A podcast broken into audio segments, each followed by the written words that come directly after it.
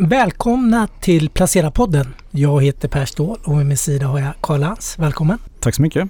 Idag ska vi ha ett samtal med två ska man säga, seniora rävar inom eh, fastighetssektorn.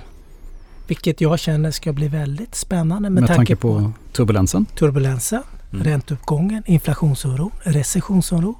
Och med oss idag har vi från Catella Karl Wingmark och Arvid Lindqvist. Välkomna! Tackar, tackar. Tack så mycket. Ni får presentera er själva, vad ni har lite för bakgrund och vad ni, vad ni gör och vad ni har för fokus för mm. lyssnarna. Ja, men jag kan börja lite grann. Karl Wingmark som sagt och eh, jag har varit på Catella i, eh, sedan 2015 och eh, började på Corporate Finance-sidan och var ansvarig för transaktionsverksamheten i Stockholm. Eh, men har sedan första april i år sadlat om lite grann till att eh, starta upp en eh, investeringsverksamhet eh, här i Stockholm. Och, och, det är inget nytt för Catella utan det är någonting som vi har ganska utbrett i, i hela Europa med cirka 13 miljarder euros under förvaltning. Så vi är ett, liksom ett omfattande och ett stort förvaltningsbolag men i Sverige har vi inte haft det av lite olika anledningar. Men, men nu är det dags att starta upp det. Och eh, Arvid Lindqvist som ska få presentera sig strax eh, och jag har liksom klivit över och, och vi är igång och eh, vår första produkt ut är en, eh, en, en UCITS-fond, eh, det vill säga en värdepappersfond som är helt inriktad på fastighetsaktier. Eh, och vi kommer berätta lite mer om ja, lite grann hur vi tänker och vår metodik och varför vi tror att det är lämpligt att starta igång nu. Ja, det vill vi höra mer om som mm. är så pass turbulent nu. Och jag, jag, jag har ju träffat er tidigare. Jag får ju mm. lite känsla av att ni är lite parhästar. Jo men, mm. men det stämmer. Vi har jobbat ihop länge. Så sagt, jag, jag började, vi började samtidigt på Catella på, på Korpen 2015. Jag började några månader innan Karl. Så vi har jobbat ihop länge eh, och jag heter Arvid Lindqvist och var analyschef på eh, Catellas korpverksamhet då eh, och jobbade tillsammans med Karl fram till 1 april när Karl och jag gick över till till det här nya bolaget då när vi, när vi startar upp en, en fastighetsinriktad fondverksamhet eh, på Catella. Och eh, vår första fond då är den här modellstyrda systematiska fastighetsaktiefonden som vi har kört igång som bygger egentligen på min analysmetodik och en analysmodell som, som vi har utvecklat då på Catella och, och eh, ja, pro programmerat en, en, en eh, digitaliserad modell så att säga som, som eh, prissätter de noterade fastighetsbolagen. Jag har bara några snabba frågor. Mm. Catella, även Karl tror jag, vi förknippar det mycket med fastigheter. Är det där mm. ni har gjort på Korpen? Det fastighets... Bara fastigheter. Bara fastigheter. Vi kan bara fastigheter. Ni kan bara fastigheter. Bara fastigheter. Men ni kan fastigheter mycket, mycket bättre än vad vi kan. Vi kan mycket annat Definitivt. men väldigt lite och mycket annat. Skulle jag säga. En annan sak som jag eh, bär med mig från första träffen med er. Mm. Ni har en klubb. Vi har en klubb. Ja, Absolut. kan ni utveckla det lite? För jag fastnade lite för det. Jag tyckte den här klubben lät lite spännande och lite hemligt på samma mm. gång och väldigt insiktsfullt. Ja, ja men precis. Nej men det där är en analysklubb som vi har. Eh, och det är där vi väl valt egentligen att inte egentligen göra någon, någon reklam kring. Eh, och, och, utan det är, en, det är en analysklubb då som, som jag startade upp egentligen och det, vi började 2017-2018 och dra igång den här. Eh, och, och det är egentligen en, en klubb inriktad på mot aktörer som är med, närvarande på den svenska transaktionsmarknaden för fastigheter. Och det där, svenska transaktionsmarknaden för fastigheter är ju väldigt inhemsk. Det är ungefär 80 procent eller så eh, under de sista 15 åren av, ja, sen finanskrisen och framåt egentligen, av transaktionerna görs egentligen av inhemska aktörer. Och den här analysgruppen riktar in sig huvudsakligen då mot, mot eh, svenska aktörer på den, på den svenska transaktionsmarknaden och det är 42 medlemmar. Vi har några internationella aktörer med också men huvudsakligen svenska aktörer eftersom det är en sån svensk marknad. Och, och 42, 42 medlemmar och det är eh, i princip alla stora aktörer på transaktionsmarknaden. Det är de stora institutionella investerarna, eh, flera av de börsnoterade bolagen, flera av fastighetsfonderna, eh, ett par utvecklare, eh, ett antal privata eh, fastighetsbolag. Så man kan tänka att vi, vi täcker väl in ungefär 80% av aktörerna på transaktionsmarknaden kan man säga i, i den här klubben. Sådär. Och sen, sen, men det, ja, men den, den är inte officiell på det sättet. Det är lite som... Men vad delar ni för eh, information och sådär? Man... Eh, ja, men det här är en klubb helt enkelt som, som baseras, det, det, hela tanken med det är att det, det, man, man polar ihop sina analysresurser eh, och, och liksom att det kostar att vara med i klubben så kan jag eh, och vi på Catella lägga väldigt mycket krut på på analys. Och sen så betalar man lite grann för att vara med i den här klubben och då får man tillgång till kvartalsvisa eh, marknadsforecast och, och återkommande fokusanalyser av olika intressanta som områden på marknaden och månadsvisa kommentarer på, på marknaden och allting liksom distribueras via en analysplattform på nätet och webinars och runda bordsamtal.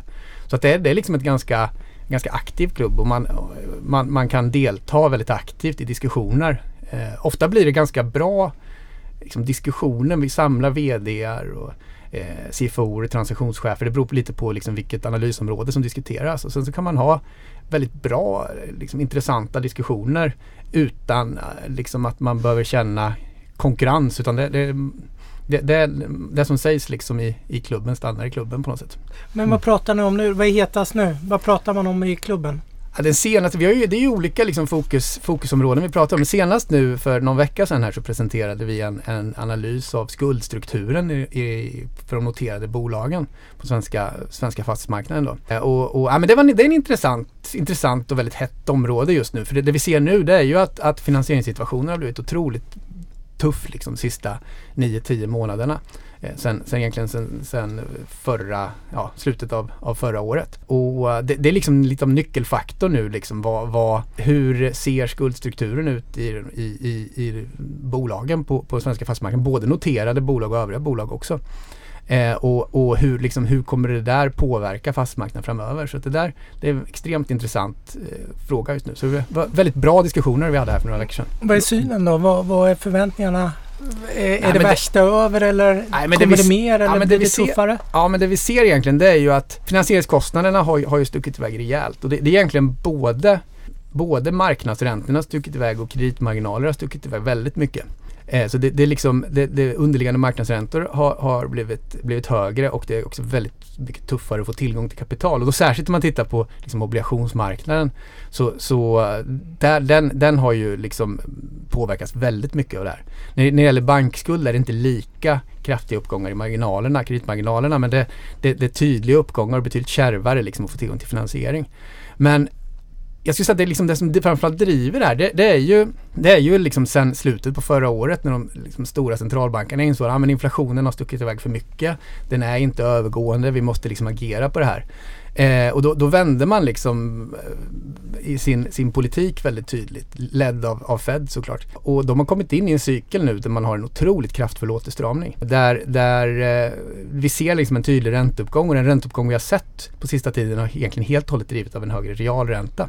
Och en viktig faktor här det är den 30-åriga eh, amerikanska tipsräntan, alltså realränteobligationer i USA. Det är en bra liksom, global benchmark för realräntan och realräntan är superviktig för fastigheter. Är det, här... det viktigaste skulle du säga om du ska lyfta fram en faktor? Ja men absolut, fastigheter är en real tillgång. Mm. Så, så, att liksom realräntan blir väldigt viktig. Och tittar man på samband över tid då ser man ju att till exempel att, att direktavkastningskraven på transaktionsmarknaden för hyresbostäder samvarierar väldigt tydligt med den här eh, amerikanska realräntan. Den, den sätter på något sätt en, en global benchmark för för, för, för realränta. Eh, det vi också ser nu sedan början av 2021 det är att genomsnittliga aktieprisutvecklingen för de bolag som riktar in sig på hyres, hyresbostäder, publika fastigheter, de, de har i princip en linjär korrelation med den här realräntan också. Det är nästan eh, liksom osannolikt starkt samband. Så, så, så, ser det inte ut om man tittar över, över flera år. Men från, från januari 2021 och framåt så är det otroligt starkt samband med, med den här liksom realräntan. Och det vi ser nu då det är ju att Eh, den här real, liksom långa realräntan den låg och pendlade runt 100 punkter eh, många år fram till 2018 egentligen. Och 2018 så såg vi ett, ett tydligt skifte. Det var ju man pratade om det eh, eh, eh low for long liksom att, att eh, räntan liksom, vi går in i ett Japan-scenario, vi har låg tillväxt, låg inflation, eh, låga räntor, man börjar anpassa sig till det. Man tänkte att ja, centralbankerna kommer liksom aldrig strama åt. Och då såg man att den här långa realräntan skiftade ner från 100 punkter till 50 punkter. Och jag menar, Karl och jag var på Korpen då och, och, vi såg ju liksom ett otroligt flöde in, in, i alternativa tillgångar då och ett stort flöde in på, på fastigheter. Och, och det som var populärt då det var hyr, hyresbostäder, publika fastigheter, logistik, industri, kontor var väldigt populärt. Handel hata investerarna. Det gjorde de, gjort sedan 2016, sen, sen det här skiftet med e-handel och sådär. Men Karl, du gjorde ju någon stor affär där. Mm, precis, eh, både portföljaffärer men framförallt kanske en kontorsfastighet som var precis i skiftet där, där vi sålde en, en, en stor fastighet för Skanska eh, till en tysk utländsk investerare. Och det var, det var ett oerhört stort intresse och de var inte ensamma i, i, i budgivningen på något sätt utan det var extremt många som var med i den budgivningen. Det var, ju, det var ju en väldigt djup marknad då. Eh, så det, det, var, det var liksom en otroligt bred budgivning. Och jag kommer någon gång vi satt med en, med en portfölj också med mixindustrikåkar i, i södra Sverige och sen så hade ju vi liksom noterat baserat på börsprissättningen vart gilderna var på väg. Eh, för, för börsen, för det var egentligen därför vi började analysera börsbolagen också väldigt noga och byggde modeller för det där. Därför att liksom den, de implicita gilderna när man tittar på börsprissättningen är otroligt bra som ledande indikator kring vart direktmarknaden är på väg. Det är ett bra, alltså implicita gilderna när man tittar på de noterade bolagen är en rätt vass indikator på vad transaktionsmarknaden ligger just nu.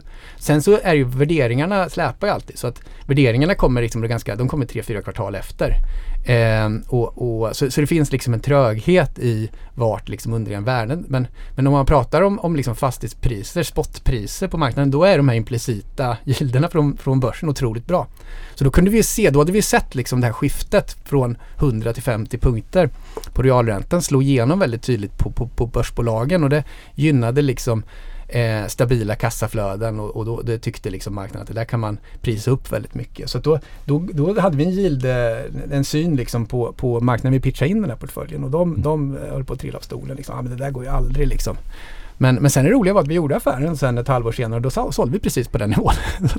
så det, det, det, det, vi har ju märkt att det funkar väldigt bra liksom att pricka in vart liksom direktmarknaden kommer befinna sig kommande tre, fyra kvartalen genom, genom att titta liksom på på börsen. Så, så det, det, var liksom under, innan corona där. Sen, sen, kom corona och det skakade till lite men då, då började man med de här enorma stimulanserna, centralbankspengarna som man tryckte ut i marknaden. Man, man, man stimulerade, man, man körde stenhård QE, man, man, man, man, vi brukar slå ihop sex stora centralbanker. Och balansräkningen ökade med lika mycket för de här sex stora centralbankerna på 12 månader som de gjorde under föregående 10 år ackumulerat. Och den här långa realräntan minskade från plus 50 till minus 50 punkter. Och kontorsmarknaden blev oälskad av investerarna. Vilket gjorde att en del av marknaden stängde. Vilket gjorde att det var ett sjukt tryck in på de andra segmenten. Vilket var hyresbostäder, logistik, industri, mixkommersiellt. Sen, sen från den perioden egentligen, det var då de här börsutvecklingen för de här hyresbostadsbolagen korrelerar exakt med den här långa realräntan. Från den perioden egentligen. Och det, det, det, gick lite upp och ner realräntan i den perioden men sen så blev ju den här vändpunkten slutet förra året. Och sen dess har ju räntan gått upp och realräntan har gått upp från botten på minus 60 punkter till eh, i dagsläget runda slängar 1,70-1,75. Så det, vi, vi pratar liksom 225 till 250 punkter upp i, på realräntan. Det är ju liksom en brutal omsvängning. Och det där har samvarierat då med en slakt på börsen. Där snitt, liksom kursen för om vi tittar på 32 bolag, bara ett rakt genomsnitt har gått ner med 60 procent från peak. Och, och eh, de bolagen som riktar in sig på, på, på liksom hyresbostäder har utvecklats sämre då, ännu sämre. Vilka aktörer hittar vi där? Jag som inte kan fastighetsmarknaden så det är jätte detaljerat. Ja, men det, men det är, det är liksom ett antal aktörer. Vi, vi, vi, vi ser SBB till exempel. Vi ser John Mattsson riktar in sig i det här segmentet. Vi ser Heba. Det, fin, det finns ett, ett antal, en, en eh, sex, sju aktörer liksom som, som är inriktade just på hyresbostäder. Det, delvis Balder också va? Eh, Balder är lite mer mixkommersiellt bolag men de har ju inslag av, av hyresbostäder också. Mm. Eh, men, men, men det är en sex, sju aktörer liksom som, som riktar in sig på det här och, och, och, där har man tagit väldigt mycket stryk och bakgrunden till det där det är väl egentligen att det här är ett segment som var extremt bubbligt innan. Det var otroligt nivå på, liksom på, bub, på en, en bubblig prissättning så att säga just att de här var otroligt ett håsat segment i, i slutet på förra året. Och, och, och problemet här är att, att just när realräntan stiger så här kraftigt så, så tar prissättningen tar väldigt stryk eh, inom de här segmenten. Och, och jag menar det här spiller ju över på, på, liksom på transaktionsmarknaden nu. Och nu ser vi att det går ju knappt liksom hyresbostäder i storregionstäder, de affärerna går inte att göra nu. Eh, stora, stabila, institutionellt backade företag eh, som Willem och Hemsö och, och, så vidare, de finansierar sig kanske på femåriga pengar på fast ränta 4-4,5 procent. Och det går liksom inte att göra affärer när direktavkastningskraven ligger på uh, någonting på två. Mm. Så, så, att det, det, är väldigt svårt liksom att göra de affärerna överhuvudtaget. Och, och vi ser liksom i pågående affärer eh, tydligt nu över hela marknaden egentligen en, en justering upp på, på direktavkastningskraven. Jag tänkte på det, Akelius sålde ju sitt fastighetsbestånd, europeiska fastighetsbestånd i november förra året, om jag inte minns fel, för ja, 92 miljarder va? Ja, i, precis i, i, i, september förra året. September var det till och med. Eh, precis, eh, och, och, det var ju liksom en otrolig timing. Jag, jag tänker så om, om, man skulle, om han skulle sälja samma bestånd just nu, hur mycket lägre han var tvungen att sälja för då tror ni? Ja, det hade varit en betydande skillnad. Ja, det är alltid en prisfråga mm. men i september när man gick ut då, då fanns det liksom eh, institutionellt kapital som var intresserade av den här exponeringen. Man kunde nog ha en ganska djup liksom, diskussion med olika aktörer som kunde tänka sig att ta en sån här jättestor portfölj, 36,7 miljarder svenska då, fastigheter plus liksom, eh, fastigheter utan, utanför Sverige också, Europa och Tyskland. Eh, som, som, men men eh, så, så då fanns det liksom ändå ett antal, i dagsläget skulle det nog vara extremt, liksom en sån här portfölj är väldigt utmanande nu. Det är klart att det kan finnas institutioner som vill ha exponeringen men, men då är det ju liksom inte, de här gilderna går inte, det fungerar inte nu. Eh, så, så nej men det var en otrolig timing. Mm, det är otroligt va. Mm. Men, men, om ni ser på, på själva aktierna då inom den här sektorn, är det, mm, alltså, har värderingarna kommit ner tillräckligt mycket vad det är aktiebolagen tycker ni för att det börjar bli intressant igen eller är det fortsatt Ja men aktierna har ju tagit väldigt mycket stryk. Man kan säga så här, det, det, det kommer in till den här realräntan igen. och Just nu är det ju väldigt negativt momentum och, och centralbankerna stramar fortfarande åt väldigt mycket. Man ser den här realräntan har tagit ett, liksom ett skutt nu upp sista veckorna, månaden också. Ytterligare ett liksom, tryck upp. Och så tittar man på så här led, liksom den här realräntan som en ledande indikator. Då, är det nog, då ska det nog ner ytterligare liksom, lite grann. Eh, men samtidigt så ser vi att vi börjar bli, det börjar liksom, prissättningen börjar se väldigt bra ut. Alltså några av bolagen har ju eh, liksom en rabattnivå på, på eh, liksom 75 procent Mm. Eh, i, i, relation till, till NAV och till substansvärde. Vad, vad är det det ser bäst ut då just nu? Eller vad är det eh, mest rabatt på? Men jag, jag, tror att det är just nu så mm, det är liksom det, det mark, marknaden diskriminerar liksom segmenten liksom rakt över egentligen. Och framförallt så är det låg, segment med låg avkastning som har tagit mest stryk. Men jag skulle säga liksom att tittar man över hela linjen så, så det är liksom en förskjutning upp i gilderna över segmenten rakt över liksom hela linjen. Och där man kanske har minst implicit yieldskjutning uppåt. Det, det, är egentligen kanske mixkommersiellt och lagerindustrikåkar med lite högre yielder. Liksom utan, inte prime, prime-lägen utan lite högre yielder. Där, där, där eh, eh, har man väl, ser man väl minst liksom implicit yieldförskjutning eh, på sista tiden. Och det där har ju, det är inte så jättekonstigt för det, det Tittar man på, på marknaden, vi, vi, när vi analyserar marknaden delar vi upp marknaden i 30 olika fastighetssegment och sen har vi en ekonometrisk modell när vi tittar på makroutveckling, vi tittar på BNP, vi tittar på inflation, långa korta räntor och kreditmarginaler och så bryter vi ner de där på parametrarna på fastighetsmarknaden. Hyror, vakanser, direktavkastningskrav. Och, och grejen med fastigheter är att det är otroligt makrokopplat så att fastigheter är en makroexponering. Och det är väldigt starka samband. Vi har 20 års data i de olika segmenten och vi har en ekonometrisk modell när vi tittar på samband då. På hyresmarknaden så, så samvarierar antingen hyrorna med eh, real BNP, nominell BNP, inflation. De flesta segmenten är KPI-kopplade i sin inflation. Eh, och, och direktavkastningskrav samvarierar med finansieringskostnader, vilket är långa korta marknadsräntor och kreditmarginaler. Och vakanser är då egentligen cykliskt i BNP. Eh, så då liksom kan man lägga scenarier där man kan, kan se hur liksom olika typer av makroscenarier spelar ut på fastighetsmarknaden. Men grejen med de här mixindustri, logistikindustri, eh, kåkarna med lite högre yield. Då, då pratar vi typ Sagax till exempel? Ja men till exempel. Eh, mm. Eh, Sagax är lite speciellt men de har, de har så mycket kåkar utanför Sverige också som, så det blir lite, lite specialare där. Men man kan se MP3 till exempel också som, som ett exempel. Liksom. Där, där, där ser man ändå att man har lite högre yieldnivå och har man lite högre yieldnivå generellt sett så är man mindre känslig för högre finansieringskostnader. Det, det, genomslaget av 100 punkter högre finansieringskostnader kanske är 15-20 punkter på eh, liksom mix kommersiellt industrilogistikåka med lite högre yielder. Medan prime-kontor eller bostäder i, i bra regionstäder då kan det vara 60 punkters genomslag. Så det är väldigt, man är mycket mindre känslig och plus att man ligger på lite högre yielder så, så får, blir genomslaget av 25 punkter upp på yielderna blir inte lika stort på värdena heller. Så att, så att man är mindre känslig för högre finansieringskostnader, det slår inte lika mycket på värdena. Och de här kåkarna tenderar att ha hyresmarknader som mer eller mindre taktar på i, i linje med inflationen. Eh, det, det, man måste tänka på det är vakansen. Du, du har en, liksom, när man går in i en, går man in i en lågkonjunktur, stark inflation, lågkonjunktur, hög inflation. Så, så absolut, du har KPI-kopplade marknadshyror men du får mycket högre vakanser också som man måste ta hänsyn till. Men, men någonstans ändå har man en, liksom, mer en, av en stabilitet i, i driftnettorna. Och det där gör väl att de här håller emot bättre som, som liksom marknaden ser, som, som ja, marknadskonsensus är nu på, på ekonomin och man ser att man, det är rätt troligt att vi går in, eller vi är väl redan i ett stagflationsscenario. Och om det där blir långt eller kort, det, det är man väl kanske inte överens om, men att vi, vi är där kommande året i alla fall.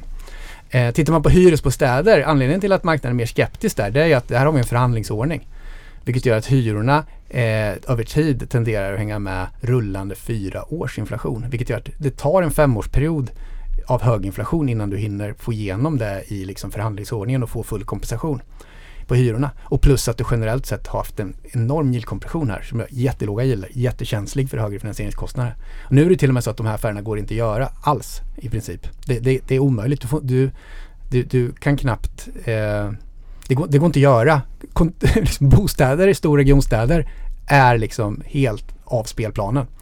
Eh, för, att, för att kunna göra affärerna måste du ha sådana otroliga värdenedskrivningar nu. Så att det finns liksom inga säljare. Eh, så, som det är just nu. Så, så att det där är, liksom, det, det är utmanande segment. Men det är ju att du har inte den här direkta inflationskompensationen. Det tar tid och du har en otrolig känslig, känslighet mot, mot högre finansieringskostnader. Prime-kontor, det görs affärer. Där har vi haft ett, eh, eh någon affär här eh, nyligen. Folksam köpte en stor kåk i Stockholm CBD, kontor. Delvis hotell men huvudsakligen kontor. Eh, det är några till kåkar på, på gång. Eh, eh, så så där, där ser vi affärer när, när vi ser absolut bästa kontor. Men, men ser man på liksom ett scenario framöver då, då ser man att liksom Stockholm kontor, det är otroligt, hyrorna är otroligt starkt kopplade till real BNP. Man har väldig utväxling mot real BNP. Volatila. Nu kommer, nu kommer liksom vår syn nu att vi går in i en eh, rätt djup lågkonjunktur eller en djup recession eh, nästa år. Och att det där slår på marknadshyrorna eh, såklart. Nu, nu, är vi, just nu har vi väldigt stark utveckling på marknadshyrorna men det är för att vi har, kommer från en period efter corona här med stark återhämtning. Men det där tippar över och nu kommer hyrorna falla. Eh, negativt för, för eh, ja, hyresmarknaden och väldigt låga yielder. Eh, trots att vi ser liksom att kapitalet finns här så har man ju liksom de institutioner som generellt sett köper den här typen av kåkar de har ju ändå en alternativavkastning och det är ju realräntan. Så man påverkas ju här också så, och, och, man är känslig för högre, finansierings, liksom högre finansieringskostnader. Och då är det framförallt eh, finansieringskostnader blir proxy för alternativavkastningen då. För det är ju väldigt lågt belånade aktörer helt utan belåning som gör de här affärerna. Mm. Eh, men, men, men, men, när, eh, när tar det här stopp då tror du? Ja men det, det, det beror alltså jag, det beror ju på liksom hur man ser lite på marknaden. Jag tror att vissa ser på marknaden som att ah, men det här är en blipp just nu.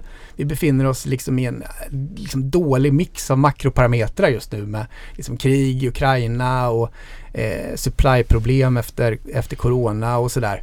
Eh, och, och, man kanske hänger kvar lite vid centralbankerna vad de sa fram till förra hösten. Ah, men det här är övergående.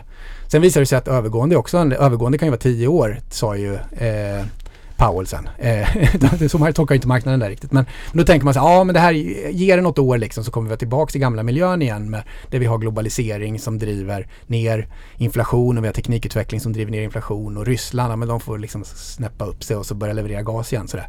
Eh, tror man det Eh, då kan vi vara tillbaka i en gammal miljö igen liksom, med, med, med låga räntor. Då handlar det om att överleva nu.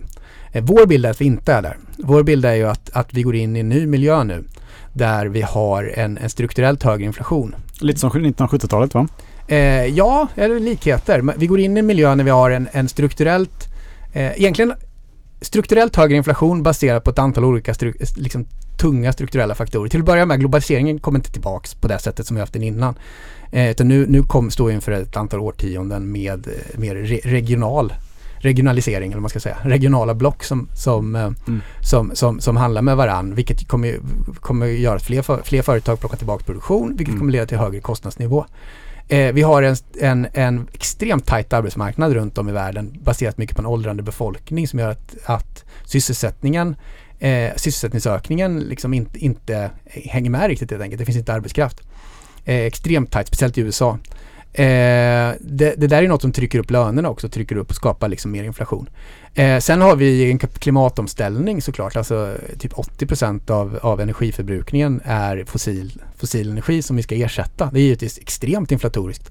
Och sen skulderna. Vi har ju rekordhöga skuldnivåer. Eh, vilket också gör att den här åtstramningen, de höga realräntorna som vi ser nu är inte hållbara. Det kommer resultera i en finanskris en, en, global finanskris vilket gör att det är ganska sannolikt att centralbankerna måste backa vid någon tidpunkt. Det ser vi ju nu i England. Ja, det börjar redan. Eh, det börjar komma liksom, ja. det börjar sprida sig och liksom vid någon tidpunkt stramar man åt hårt nu. Då, då kommer, det är svårt att avgöra vad det är men så här mycket liksom, så här många år med så här mycket billiga pengar har lett till enormt mycket dumma investeringar och, och felallokeringar av kapital. Vilket skapar sårbarhet som kommer fram nu när man höjer och stramar åt så här mycket. Mm.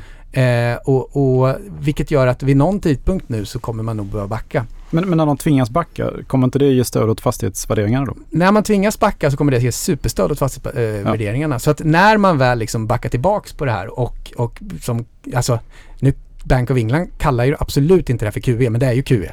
Ja. Eh, och nu för, för, förlänger man liksom tidsperioden också. Man säger att men ni har tre dagar på er. Ja, men ni får lite längre tid på er. Mm. Det, det, där kan nog vara inte orimligt att vi ser i flera ekonomier. Och när det där sker, då kommer det bli en superrally på fastighetsaktier. Att, att centralbanken tvingas acceptera en högre inflation? En högre inflation och då hamnar vi i vårt huvudscenario som vi har haft och jobbat med i vår analysklubb sedan 2018. Så hade man varit med i vår analysklubb hade ju inte det här varit någon överraskning. Eh, Ingen nyhet. old news. Nej, så ska man inte säga. Det där är, är hybris. Eh, vi hade ingen aning om varken corona eller kriget i Ukraina sådär, utan det, det råkade bara bli så. Men, men om man har det scenariot, då är det i så fall ett superköpläge för fastighetsaktier någonstans nu liksom? Ja, vi tror att vi, vi, det, kan vara, det kan mycket väl falla lite till. Tittar man på realräntan så, så realräntan ligger lite före aktievärderingar. Så alltså, det kan mycket väl falla några veckor, liksom någon månad till. Men vi tror att prissättningen börjar närma sig bottennivåer. Och om man ska ha någon form av sån här eh, ovetenskaplig eh, syn eh, eh, på, på, på det hela som, som är alla medeltid så kan man ju tänka Akelius har gått in. Eh, och han, den gubben, brukar kunna tajma makro ja. på liksom läskigt sätt. Så, att, så att det är ju en, också en, en notering liksom för mm. den som är mer no, av det okulta slaget. Notera dock, att, notera dock att han köpte ju bara för den valutavinst han gjorde eh, i Castellum. Ja, men han, han snackar mycket va? Och, och marknaden ska ner tre år till och hej och hå. Men Ja, man liksom. ska se vad han verkligen gör. Precis, han har ju verkligen köpt in sig igen. Precis. Han har köpt in sig igen och jag mm. tror att action, uh, action uh, talks. Exakt. Jag tror att så kan man linda in det där på olika sätt. Och sen är det lite intressant, han, han, köper ju inte bara bostäder som är hans segment och, utan nu ger han sig in i ett, ett segment som inte han har varit lika aktiv i, i tidigare. Eh, och, och, det är just lite högre avkastning och inte det bostäder som är lite lägre avkastning. Hur tolkar du det? Jag tolkar det som att eh, han gör ungefär samma eh, bedömning som Arvid och, och vi gör. Att, att eh, det är lite för lågavkastande och, och, och problematiskt att göra bostadsaffärer. Eh, och, och, då sneglar han på andra saker. Det är klart, han sitter ju på en, en, en stor kassa eh, och då tittar han på olika saker och han gör det nu och det är en timingfråga. Hur agerar ni? För ni har ju ni har er analysklubb Mm. Yes. Och ni har ju startat då fondbolag eller fondverksamhet då, som finns tidigare då vad jag förstår inom Catella-gruppen också. Ni, eh, med fastighetsfonden och där. Eh, timingen är tuff. Men hur, hur, investerar ni nu då? Vad, vad är liksom, hur investerar man efter ert huvudscenario? För det är väl det ni sitter och gör antar jag? Ja, eller utgår jag från? Eller? Ja, men precis. Alltså den, den fonden, vi har, vi har ju en, en vi, vi, planerar ju att starta upp ett antal olika fonder men den här fonden vi har startat igång nu det är en, en long only eh, modellstyrd systematisk fastighetsaktiefond. Och det vi tänker då, man ska se den här fonden, det är egentligen som en smart indexfond. Den är alltid fullt investerad i fastigheter, den är, den är av ljusits karaktär vilket betyder att man följer ett regelverk att man måste vara väl diversifierad. Och vad heter fonden då? Eh, Catella Fastighetsfond Systematisk heter den. Okay. Eh, och, och den, den ljusigt det är liksom ett regelverk eh, som, som betyder att man måste vara väl diversifierad så att vi har alltid 25 innehav i den här fonden. Och vi har alltid samma vikter. Det, eh, vi, har, vi har bolag 1 eller eh, instrument 1 till 25 och de första fyra har alltid 8% 6 4,5 4 3%, 2%, 1 och så blir det 100% allt. Eh, så att alltid liksom en diversifierad eh, portfölj. Och den är alltid fullt investerad. Den har lite kassa men i överlag alltid liksom så, så, så väl investerad eller fullt investerad vi liksom kan ha eh, med, med, ansatsen att man ändå måste ha lite kassa för, för likviditetsaspekt. Eh, och, så att det, det är en exponering mot fastigheter. Men grejen är den att det, det vi jobbar efter egentligen det är att eh, vi, vi analyserar systematiskt bolagen baserat på de här 30 olika fastighetssegmenten. Och det vi gör då är att vi riskklassar de här 30 fastighetssegmenten och de riskklassar vi baserat på transaktionsgilder på transaktionsmarknaden. För vi har en databas, under 15 år har Catella följt i princip alla transaktioner och giltsatt alla transaktioner på, på, på, på marknaden. Och då tittar vi på genomsnittsgilder inom de här 30 olika segmenten. Och baserat på de här gilderna så får vi en risksiffra på de här 30 segmenten som vi gör om till ett riskindex. Och sen så tittar vi också på en, plockar in data, 10 makroparametrar över 10 år i Sveriges 290 kommuner. Och så riskklassar vi makrostyrkan i kommunerna. Och sen så kollar vi på de här ungefär 35 stycken noterade bolag och så har vi kartlagt alla deras fastigheter och alla deras ytor de har i alla fastigheter. Och klassar in dem baserat på vilket segment de finns i och vilken kommun fastigheterna finns i. Och så viktar vi ihop det på hyresvärde. Och då får vi en risksiffra på, på alla bolagens fastigheter som man kan jämföra. Så man kan jämföra en, en, en kontorskåk i, i Stockholm med en eh, bostadskåk i Borås och en logistikkåk i eh, någon annan kommun, Uppsala. Eh, de kan man jämföra med samma riskmått, en, en riskindexsiffra. Och så viktar vi ihop det här till portföljen så det, fun det, funkar bra på förvaltningsfastigheter. Då får vi en risksiffra på, på, på förvaltningsfastigheternas eh, fastighetsportfölj. Och så ställer vi det i relation till avkastningen. Och avkastningen tittar vi på, en avkastning på, på allt kapital på bolagen med börsens prissättning av eget kapital. Så vi byter ut EPRA-NAV mot börsvärdet. Eh, och då, då är det så liksom, har man haft en tuff utveckling, gått ner mycket i börsvärde, då ökar avkastningen på, på mm, allt kapital med börsens värdering. Och så tittar vi på risken, riskindex i relation till avkastningen och gör liksom egentligen en regressionslinje däremellan. Och principen i den här, eh, den här fonden det är egentligen att bolag med likartad risk också ska leverera en likartad avkastning. Och, och den här regressionslinjen mellan risk och avkastning det blir avkastningskravet i vår modell. Så man kan säga att det här är egentligen ingen modell som bygger på, på speciellt mycket forecast utan den bygger på att vi riskklassar bolagen och vi hittar arbitrage där bolag med likartad risk har olika avkastning. Och sen så bakräknar vi det här avkastningskravet genom kapitalstrukturerna på, på varje bolag. Vi har lite forecast för vi, vi, vi räknar fram kassaflödena 12 månader baserat på våran, våran prognos. Men det är bara för att den ska bli lite framåtblickande så vi ska fånga riktningen i marknaden. Men det, det, är inte så mycket forecast för att de här fastighetsbolagen har i snitt 3 till 5-åriga hyreskontrakt och kapital och räntebindning på ungefär 3 år. Så att tittar man 12 månader framåt så det är mycket liksom, det är en väldig tröghet i, i, i siffrorna eh, på, på de här bolagen. Men vi räknar fram kassaflödena 12 månader och så tar vi ett avkastningskrav baserat på en nulägesbild av riskavkastning. Eh, och då får vi ett, ett, ett, ett, ett målpris enligt den här, den vi kallar den här för relativprismodellen. Och, och eh, då får vi en modell, ett modellpris då enligt den här relativprismodellen. Eh, och, och så handlar vi baserat på det. Så rankar vi bolagen baserat på hur, hur är priset just nu och vad är modellpriset. Vilka har ni som topp? För det är tio bolag har ni investerar ni inte i då kan man säga. Universitet är ja, 35. Typ, så typ. Det... Vi, vi, petar ut precis. Så att vi investerar ju många bolag. Eftersom det blir 25 bolag så är det ju många bolag som inte är speciellt bra enligt den här modellen som ändå Nej, jag tänkte säga det. För eh, det låter som universitet är lite, lite tunt eller ja, lite... Men så, det är ju vad det är. Det är vad det är och ja. alla, alla som investerar i fastigheter jobbar med det där universet liksom. Man, man, det är som om man spelar någon sport. Man kan liksom klaga på reglerna. Eller så eh, blir man så bra som möjligt på sin sport. Eh, så vi, då tänkte vi att ja, men vi anpassar oss till reglerna och så blir vi så bra som möjligt på vår sport.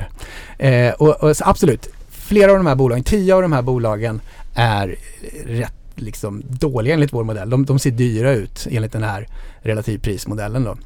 Eh, tio av bolagen ser bra ut kan man säga. Och, och, generellt sett kan man säga att de bolag som över det sista året har sett väldigt bra ut. Det har varit bolag som har fokuserat på kontor handelsfastigheter för de har varit väldigt straffade av marknaden. Så de har legat högt upp i den här, den här rankinglistan kan man säga. För de har, de har ofta haft Eh, ja, men de kan ha haft en låg risk i sin fastighet, eller rim, rimlig, låg, liksom lägre halvan risk i sin, sin, sin fastighetsportfölj. Men haft en väldigt bra avkastning, haft en bättre avkastning än, än vissa heta fastighetssegment inom kanske hyresbostäder, logistikindustri, mycket kommersiellt som har haft betydligt högre risk. Kan, kan, du, kan du ge några exempel på sådana fastighetsaktier som har Nej men vi, vi har exempel eh, som, som vi har sett, det, det är liksom huvudstaden har legat väldigt högt länge, föga för, förvånande. Eh, sen har det liksom varierat liksom, till exempel ett, ett bolag som, som Balder har seglat upp och blivit, kommit upp när de har tagit mycket stryk. Men det är de sista veckorna här. Eh, vi ser ett bolag som Diös har legat högt, de har sjunkit ner lite grann.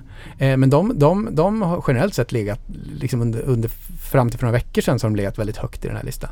Ehm, vi har, vi har eh, bolag som Platser som har, som har legat väldigt högt i den här. Eh, så, så det finns, men, men det varierar lite grann. Alltså vi, vi, egentligen har inte vi någon sån här bolagsspecifik syn på det sättet utan vi plockar in all data på bolagen och sen så har vi en risksyn på, på fastighetsmarknaden på de här 30 segmenten. Eh, och den, den är väl väldigt liksom Eh, den är väldigt liksom, datadriven och sen så, sen så blir det lite vad det blir på liksom, bolagsnivå eh, baserat på vilka, vilka fastighetssegment bolagen har. Och så kan det variera för att ett, ett bolag som det är nu när det har varit så slagigt när liksom SBB och, och, och Balder och Castellum och sådär har rört sig 10-15% liksom på en dag. Någon dag i somras här så rörde sig SBB 20% på en dag. jag menar, då, då slår du ju en del i den här modellen. Då liksom faller du 15% på en dag, men då blir du mycket attraktivare i din riskavkastningsprofil än, än vad det var dagen innan. Så, så att det, det, varierar en del. Och det här är en modell som vi, som vi får en ny modellportfölj varje dag. Eh, och, och den är, den är, den är eh, väldigt, väldigt hög grad av liksom automatisering. Det, det vi har, vi har fondhotell, FCG fondhotell och de loggar in på, det här är en digital plattform som de loggar in på eh, varje dag vid lunchtid, plockar ut en modellportfölj och inflöden handlar man efter den modellportföljen. Och sen så varje onsdag, idag är det onsdag va? Mm. Eh, vid lunch, så att eh, för några timmar sedan här så hade vi en avstämning så viktar vi om portföljen varje onsdag. Eh, för att vi är lite snåla med courtage också, vi vill inte vikta om liksom Eh, vi hade kunnat vikta dem hela tiden, men, men vi, vi viktar dem en gång i veckan tänker vi.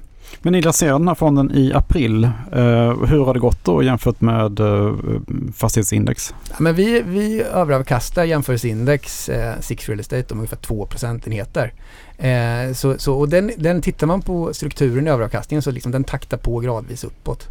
Eh, så, så att vi, vi, och det är ungefär i linje med förväntan kan man väl säga mm. enligt, enligt modellen när vi har kört modellen historiskt. Sådär. Så att det är väl ingen, ingen, över, ingen, ingen överraskning direkt ur, ur det perspektivet. Men finns det någon annan förvaltare i Sverige som, som tänker på ett liknande sätt som ni gör? Eller är ni liksom unika här? Nej, jag, jag, tror faktiskt inte att det gör det utan det här är ju väldigt datadrivet och, och det bygger på en, en, en, lång tidsserie av datapunkter och, och sen i kombination med att det krävs både ganska mycket fastighetskunskap. Vi kommer ju inte från eh, aktiebranschen utan vi har ju en liten annan ansats genom att vi kommer från fastighetsbranschen. Så att jag tror vi, har, vi är lite unika på det sättet i kombination med att Arvid eh, har ju en väldigt god kunskap på, på makrosidan. Så vi kombinerar liksom mer makro och fastighetskunskap eh, och, och, bygger det bottom-up än, än, som en fastighetsanalytiker, som, eller eh, kanske en aktieanalytiker ska jag säga, som, som kommer mer top-down är min uppfattning. Även om de säkert också gör sina eh, bedömningar på massa sätt men inte på det systematiska sätt som vi gör. Så det tror jag är en stor skillnad. Varför ska man äga en fastighetsfond då? Alltså om man har en fondportfölj med, du har teknikfond, globalfond, någon Sverigefond, någon liten spetsig biotechfond. Vad, Nej, men vi, vi, är ju inga allokeringsspecialister, det ska väl tilläggas, men, men, men, vår syn är ju väldigt, om man tittar och, och vi, vi, känner ju väldigt många av de professionella och, och stora kapitalförvaltarna och, och, då kan man ju konstatera genom att titta på hur de agerar och, och de har ju haft naturligtvis långtgående och, studier och allokeringsstudier. Så, så ser vi och noterar att det är ungefär 10 till 20 procent allokering till en fastighetsexponering eh, på ett eller annat sätt och det kan ju vara både direkt eller indirekt via, via aktier. Och, och vi tycker nog att eh, man bör nog ta lite eh, intryck av hur de gör, eh, även som privatinvesterare. Så att jag, jag, tror fastigheter är en bra grundsten i en, en väldiversifierad eh, portfölj helt enkelt. Sen kan man säkert ha olika preferenser men, men det här tror vi är ett, en bra grundsten i allas eh, portföljförvaltning. Det ska vi tilläggas också att, att i den här liksom ljusisfonden vi har, då, där tar vi egentligen inte ställning kring när man ska kliva in ur marknaden. Det här är, mm. vi, vi, liksom syftet och vår målsättning med den här fonden, det är att leverera den mest effektiva fastighetsavkastningen man kan få. Där man, där man helt enkelt, en smart indexfond, du ska, du ska få en fastighetsavkastning och du ska slå, slå jämförelseindex. Och du ska göra det på ett systematiskt sätt. Eh, som inte handlar om att, att man förvaltar har liksom gut feeling och går in och ut och tycker saker om bolag. Utan det här är datadrivet systematiskt. Och över tid så, så taktar den här modellen på och man, slår, man, man får sin fastighetsavkastning och man slår index. Så det är den, den mest effektiva fastighetsavkastning man kan få. Sen är det liksom i den här fondstrukturen, då är det upp till investeraren själv att avgöra när man tycker det är vettigt att gå in och när man tycker det är vettigt att gå ur fastigheter. Eller om man, som vi tycker då kanske borde ha fastigheter i en väldiversifierad portfölj som en hörnsten liksom över tid. Och, och absolut, hamnar man i en, i en längre stagflationsmiljö nu då då, då eh, med, med, med liksom hög inflation, då, då kommer ju reala tillgångar vara ett, ett attraktivt komplement i en portfölj. Vi pratar 40 minuter till. Ja. Arvid, men vi, jag det var väldigt intressant faktiskt. Ja, det, är det var så intressant så jag bara satt och lyssnade. Ja, jag liksom. vet. Ja. men jag tycker att vi, vi följer upp där med typ ett halvår igen. Ja, det tycker jag. Då kanske mm. marknaden har stabiliserat sig. Mm. Mm. Realränta Visst var det realräntan vi pratade om? Centralbanken har backat. Och ja. centralbanken har backat. Vi får se mm. vad framtiden har att erbjuda. Men det verkar en sak vi är lite enats om att det, när det väl har satt sig det mesta och oron är borta då blir det fastighetsrally på börsen. Ja men det borde det bli. Nu har det fallit så mycket så att, så att, och det är väldigt, väldigt nedtryckt. Och jag tror det, det handlar mycket om när, när liksom centralbankerna får liksom kap, fler stora centralbanker får kapitulera. Då, mm. då tror jag det är upplagt för rally. Vi är inte där än utan det, det, det, kommer nog falla lite till ett tag till. Svårt att säga exakt timing men, men liksom varje dag kommer vi närmare den punkten. Det blir rally i fastighet och techbolag då?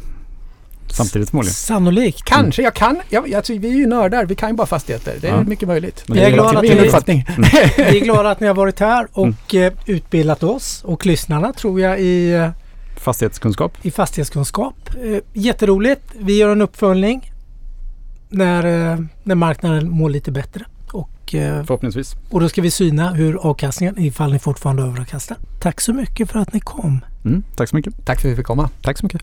tack. tack.